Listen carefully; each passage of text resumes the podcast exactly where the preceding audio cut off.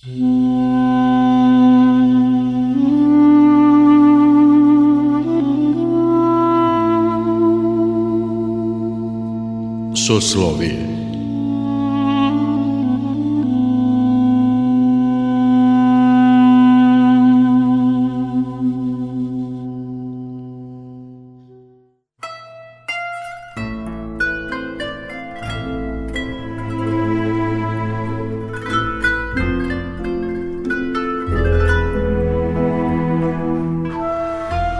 Soslovije Dobroveče. Slušate Soslovije, religijski nedeljnik Radio Novog Sada.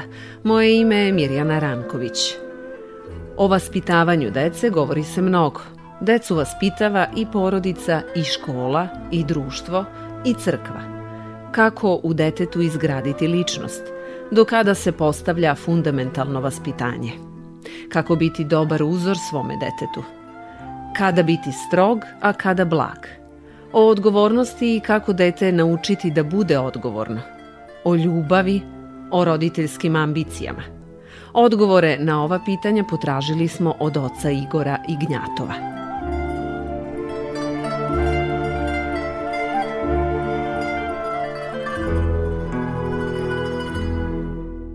Oče Igore, šta kažu starci, šta kažu sveti oci, šta kaže crkveno predanje kada je vaspitanje deca u pitanju? Mi smo pozvani da u detetu izgradimo ličnost.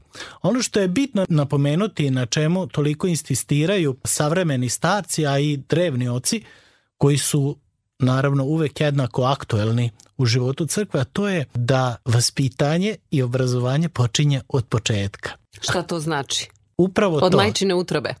Da, od majčine utrobe, ali tu i tačno imamo moment kada se počinje sa vaspitanjem deteta, a to je moment začeća. Jer prema verovanju i prema ubeđenju pravoslavne antropologije čovek je ličnost od momenta začeća. Ove su veoma bitne stvari zato što se tu poklapamo sa dostignućima prenatalne psihologije. I zato recimo starac Porfirije govori o tome kako majka koja je u periodu trudnoće treba da živi molitvenim životom, da se što češće pričešćuje, da čita psalme, da voli svoje dete. U tome je naš akademik Erotić mnogo puta govorio kako će dete da se osjeća i kako će i to starac Porfir o tome govori, da dete koje ne osjeća ljubav majke prvog trenutka će nositi traume ceo život. I zaista to potvrđuju i dostignuća prenatalne psihologije.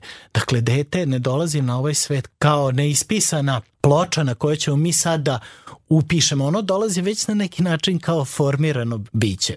I posle rođenja je vrlo bitno kako se mi obhodimo prema detetu, psiholozi govore o tome i tu se slažemo s njima da se osnovno i fundamentalno vaspitanje do, zadobija do neke sedme godine. Posle toga moguće su samo korekcije. U tom periodu da pozovemo psihologiju u pomoć potrebna je jaka identifikacija i sa ličnošću oca i sa ličnošću majke, naj, naravno najpre sa ličnošću majke, pošto otac tek negde uzima aktivnog učešća u vaspitanju dece, ne govorimo sad o onom logističkom pomaganju oca koji je naravno prizvan kao hrišćanski otac da uvek bude tu, ali njegova aktivna uloga počinje negde od treće godine deteta i naravno dete da bi da bi bilo da zdravo, tako kažemo zdravo, zdravo psihičko da bi bilo ličnost potrebna mu je najpre identifikacija sa oba roditelja a što je još interesantno da bi postalo ličnost u periodu puberteta i adolescencije on mora da odbije taj autoritet, odnosno da se izbori sa tim autoritetom kako bi potvrdilo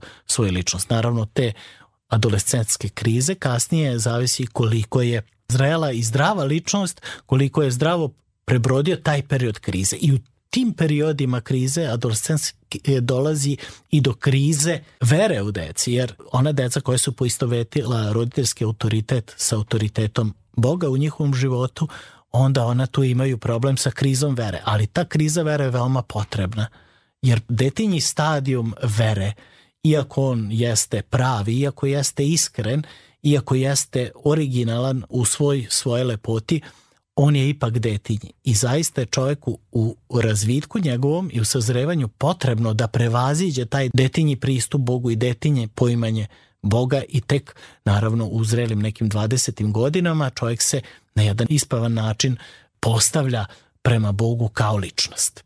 Biblija nudi sve odgovore. Stari i novi zavet donose pravila života i Božje zapovesti. I ako se držimo Božjih zapovesti i onih u starom zavetu, deset Božjih zapovesti i iz novog zaveta dve osnovne Božje zapovesti i ako ih poštujemo, zapravo to su neke smernice, mogli bismo reći roditeljima i za vaspitanje dece. Samo kako to sprovesti u delo.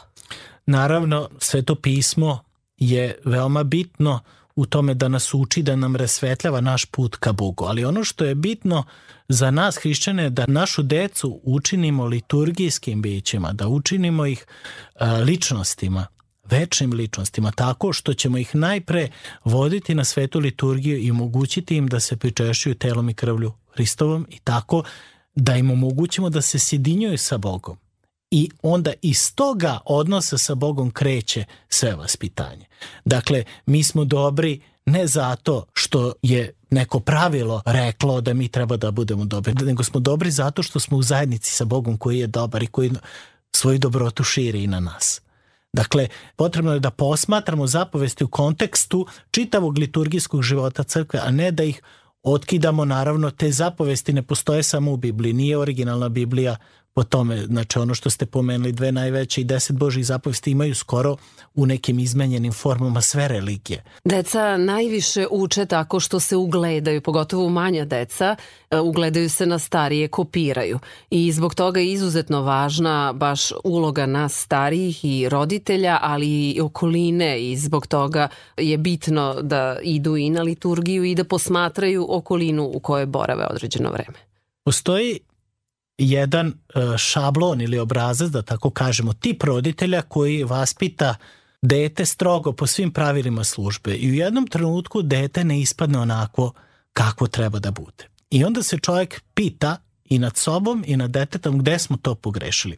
Prvo treba da imamo na umu jednu stvar, dete je slobodna ličnost i uvek ima svoj originalan put kroz život i put hod ka Bogu i hod ako hoće naravno i na drugu stranu. A druga stvar je da ispitamo sebe koliko smo mi dosledni bili u sprovođenju svojih načela, odnosno koliko su naše reči koje smo govorili deci potvrđivala naša dela. I nije bitno šta smo govorili, nego šta smo radili. Upravo ovo što ste vi napomenuli, deca su neverovatni imitatori.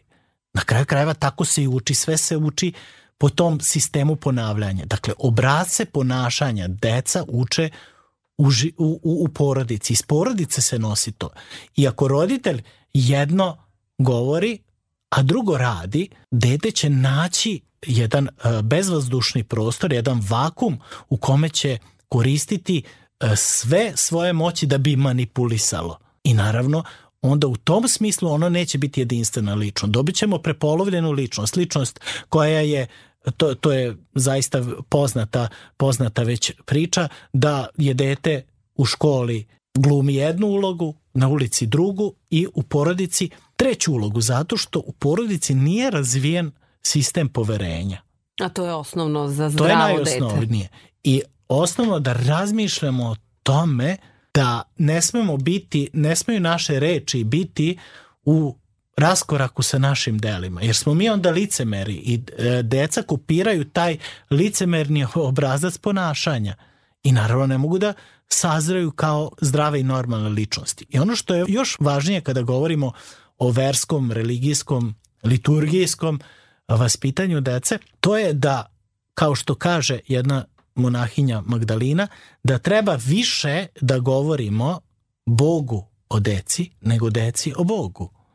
I kako kaže starac Porfiri, ako je neki problem, ne vredi da govoriš detetu, ne vredi da stalno daješ savete, deci to dosadi, niko to ne voli da mu stalno neko zvoca, jer kaže starac Porfirije, te reči odzvanjaju u ušima, a ne dotiču se srca. A kada se molimo Bogu, da nam pomogne da vaspitamo naše dete. Jer svi mi kao roditelji moramo da osetimo nesposobnost da sami vaspitamo svoje dete. Da sami budemo ljudi i ličnosti i za jedno i za drugo nam je potrebna pomoć Božja. I zato se mi molimo Bogu za našu decu, da nas Bog prosvetli kako treba da vaspitamo našu decu. Jer ne smemo misliti da smo sami sebi dovoljni i samo se u svoje ljudske resurse uzdati, jer onda ćemo sigurno pogrešiti Postoji velika verovatnoća i velika mogućnost da i ovako pogrešimo.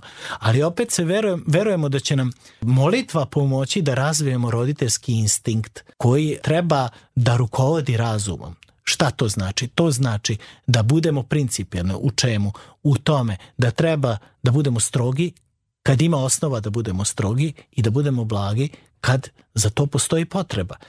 Kod nas roditelja je zato što se uzdamo u svoju sebičnu ljubav prema svojoj deci, misleći da mi, to su naša deca i niko ih drugi ne voli kao što ih mi volimo, zaboravljajući da ako smo hrišćani, da treba sebe neprestano da podsjećamo na to da Bog mnogo više voli nas i našu decu nego što smo mi sposobni da to zamislimo i da mnogo više brine i o nama i o našoj deci nego što smo mi i o našoj deci i o sebi sposobni da se brinemo. Dakle, da znamo da ne budemo strogi onda kad treba da budemo popustljivi i da ne budemo popustljivi onda kad treba da budemo strogi, jer tako pravimo problem u vaspitanju dece. Dakle, ne biti sam sebi dovoljan. To je veoma bitno. I inače u hrišćanskom životu hrišćanin nikad ne može i ne sme da bude individualista, neko ko je sam za sebe. I u svemu tome, zato je gospod ustrojio da se i u porodici, u braku deca vaspitavaju i kada čovek treba naravno tamo gde, gde, gde nema nekih spoljnih razloga gde je samo jedan roditelj ne da Bože smrti jednog od roditelja ili što je o, isto tragično razvod braka. Dakle kada samo jedan roditelj vaspitava decu to je veoma teško. Dakle da se vratimo na tu činjenicu da nije slučajno što je Bog ustrojio da dvoje ljudi koji su našli jedno drugo treba da vaspitavaju zajednički decu. To je zajednički poduhvat Zajednički poduhvat porodice, zajednički poduhvat društva, zajednički poduhvat crkve, zajednički poduhvat i škole. E, samo da malo ispitamo i samo etimologiju reči vaspitati i obrazovati. Vaspitati, to je stara reč, znači nahraniti.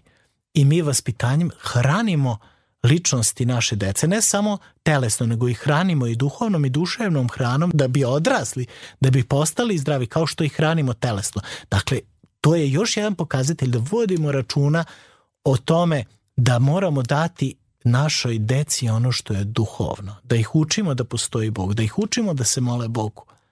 Jer e, nije cilj da im obezbedimo e, samo materijalna dobra, u stvari ako im budemo obezbeđivali samo materijalna dobra, onda ćemo neminovno učiniti im najveću štetu. Dakle, treba da ih hranimo i da ih vaspitavamo dajući im i Boga. Možemo to samo ako Bog živi u nama. Dakle, i mi moramo da se trudimo da uđemo u dubinu crkvenog života. A drugo, obrazovati obrazovanje znači ugraditi, raskriti u čoveku već ugrađen stvaranjem lik svete trojice, trojičnog Boga u čoveka, da bude ličnost. Dakle, pomoći tom detetu da postane ličnost. Pomoći tom detetu da nauči da voli i da bude slobodno. Dakle, pomoći detetu da se realizuje kao čovek koji može da postane Bog po blagodati. To su veoma ozbiljne postavke hrišćanske antropologije. Šta znači to da čovjek bude Bog po blagodati? To znači da živi večno. Dakle, jer samo Bog u sebi ima večnost koji daruje i nama, koji želimo da živimo s njim u večnosti.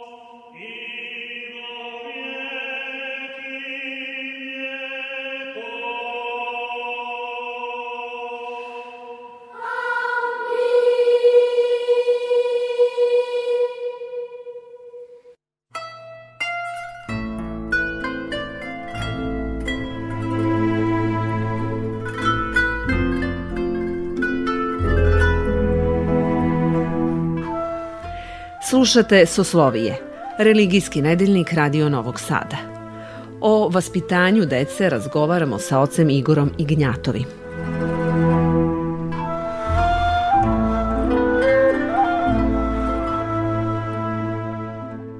Da bismo naučili decu odgovornosti, moramo i sami da budemo odgovorni pred sobom.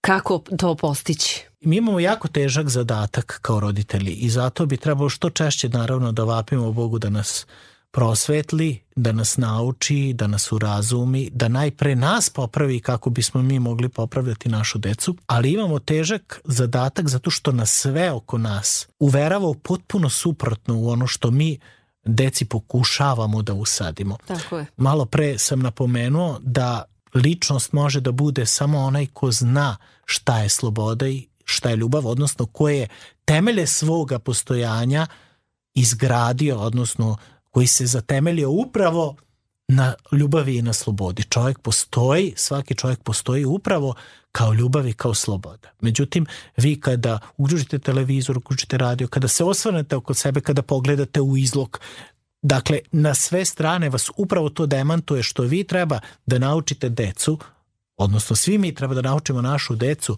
da ona ljubav koju vide oko sebe nije ljubav i da ona sloboda koju vide oko sebe nije sloboda. Dakle, ljubav je žrtvovanje za drugog čoveka, ljubav je živeti drugoga čo, za drugoga čoveka, ljubav je predati se u potpunosti drugom i, bo, i Bogu.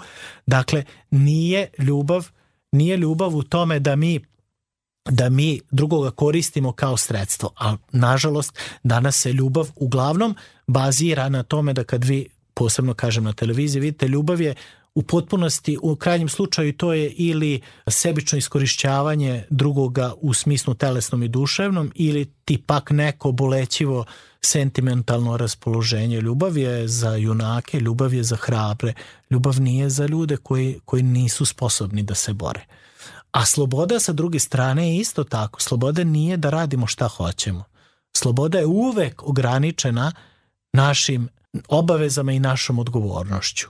Dakle, mi smo identifikovali prava, slobode i anarhiju. To su u našem uh, prosto socijalnom okruženju tri stoznačna pojma, a oni su u potpunosti različiti. Dakle, da, deca u školi danas uče o svojim pravima, ali se manje pominju njihove obaveze. Pa e, to je e, jako teška tema i jako težak, da tako kažem, te, težak promašaj, greška.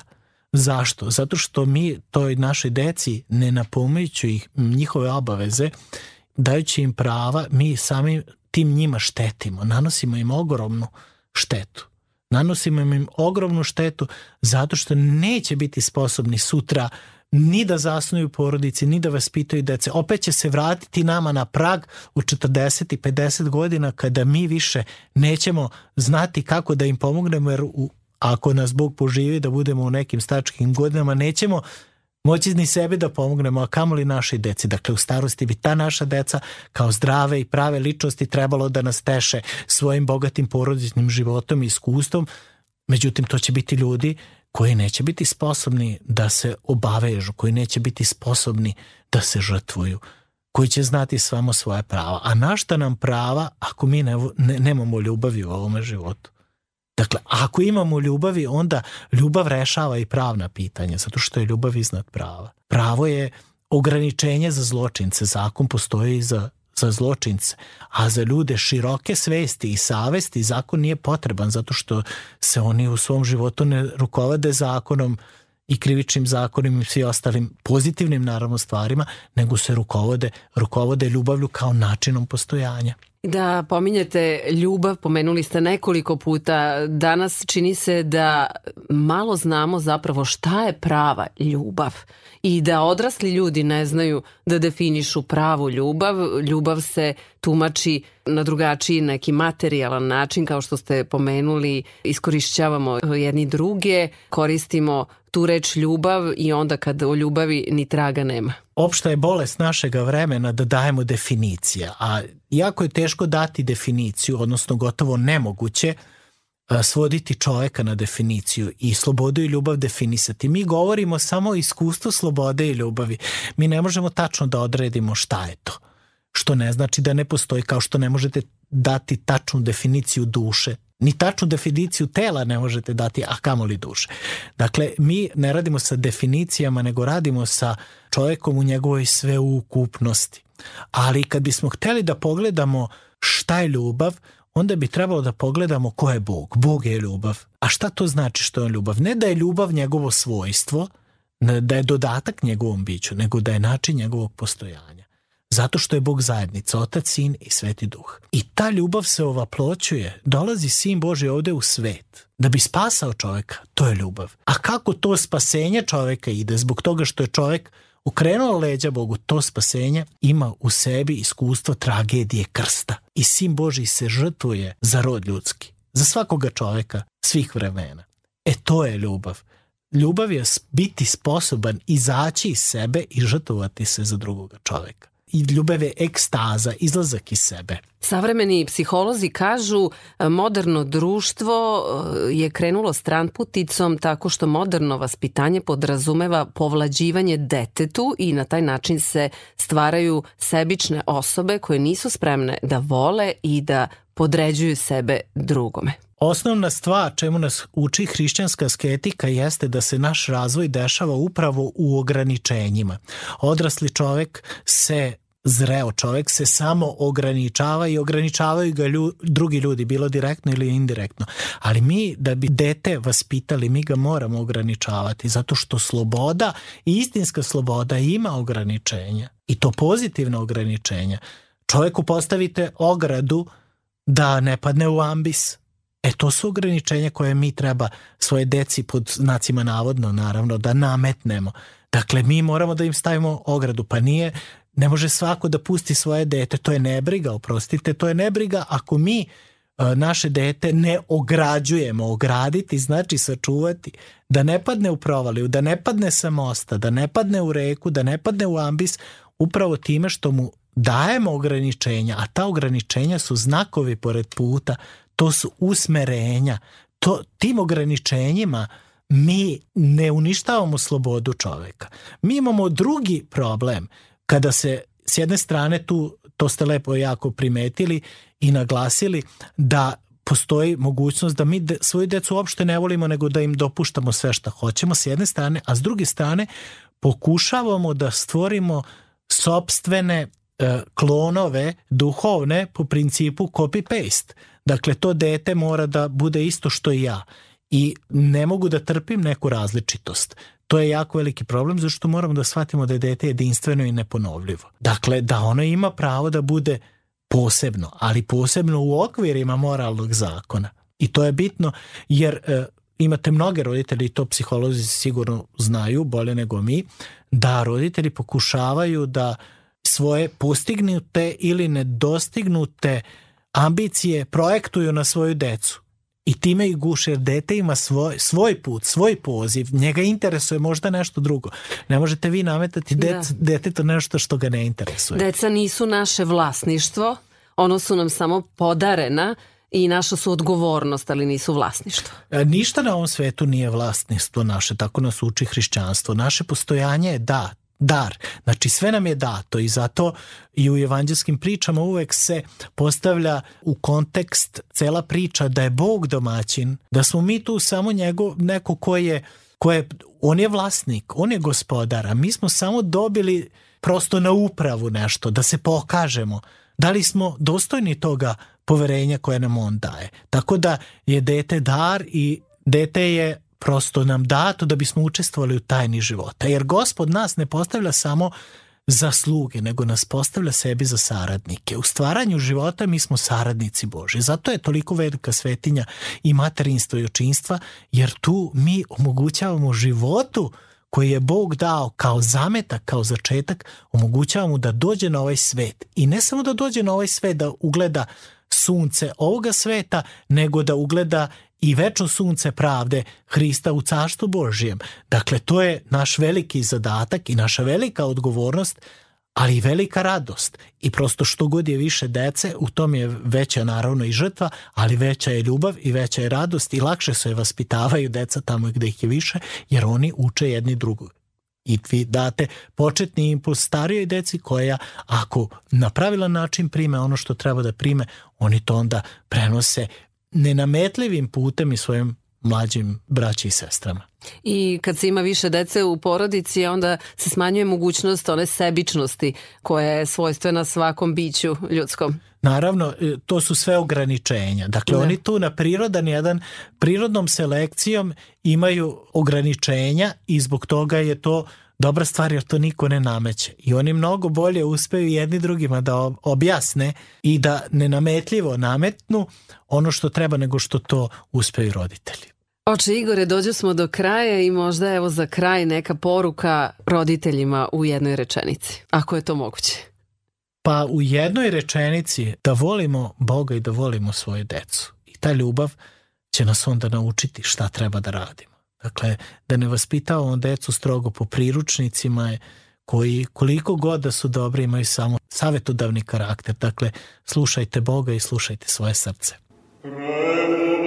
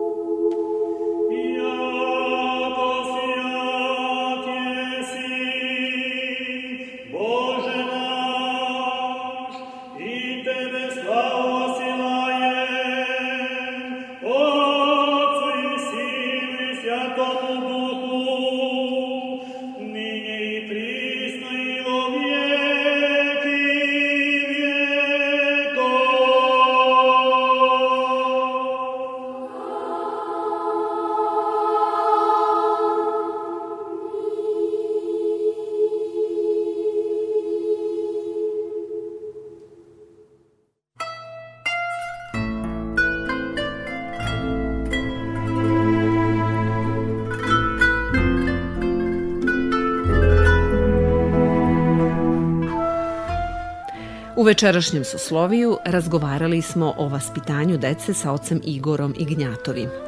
Soslovije možete da slušate i odloženo na podcastu Radio Televizije Vojvodine na adresi rtv.rs.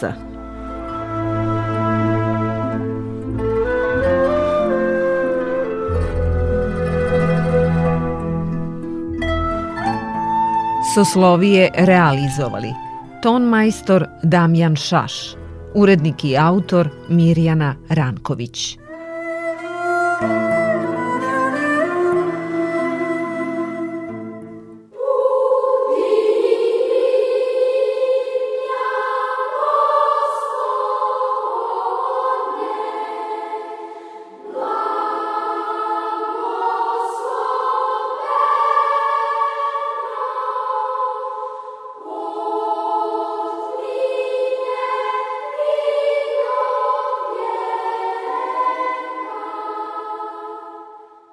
Radio Novi Sad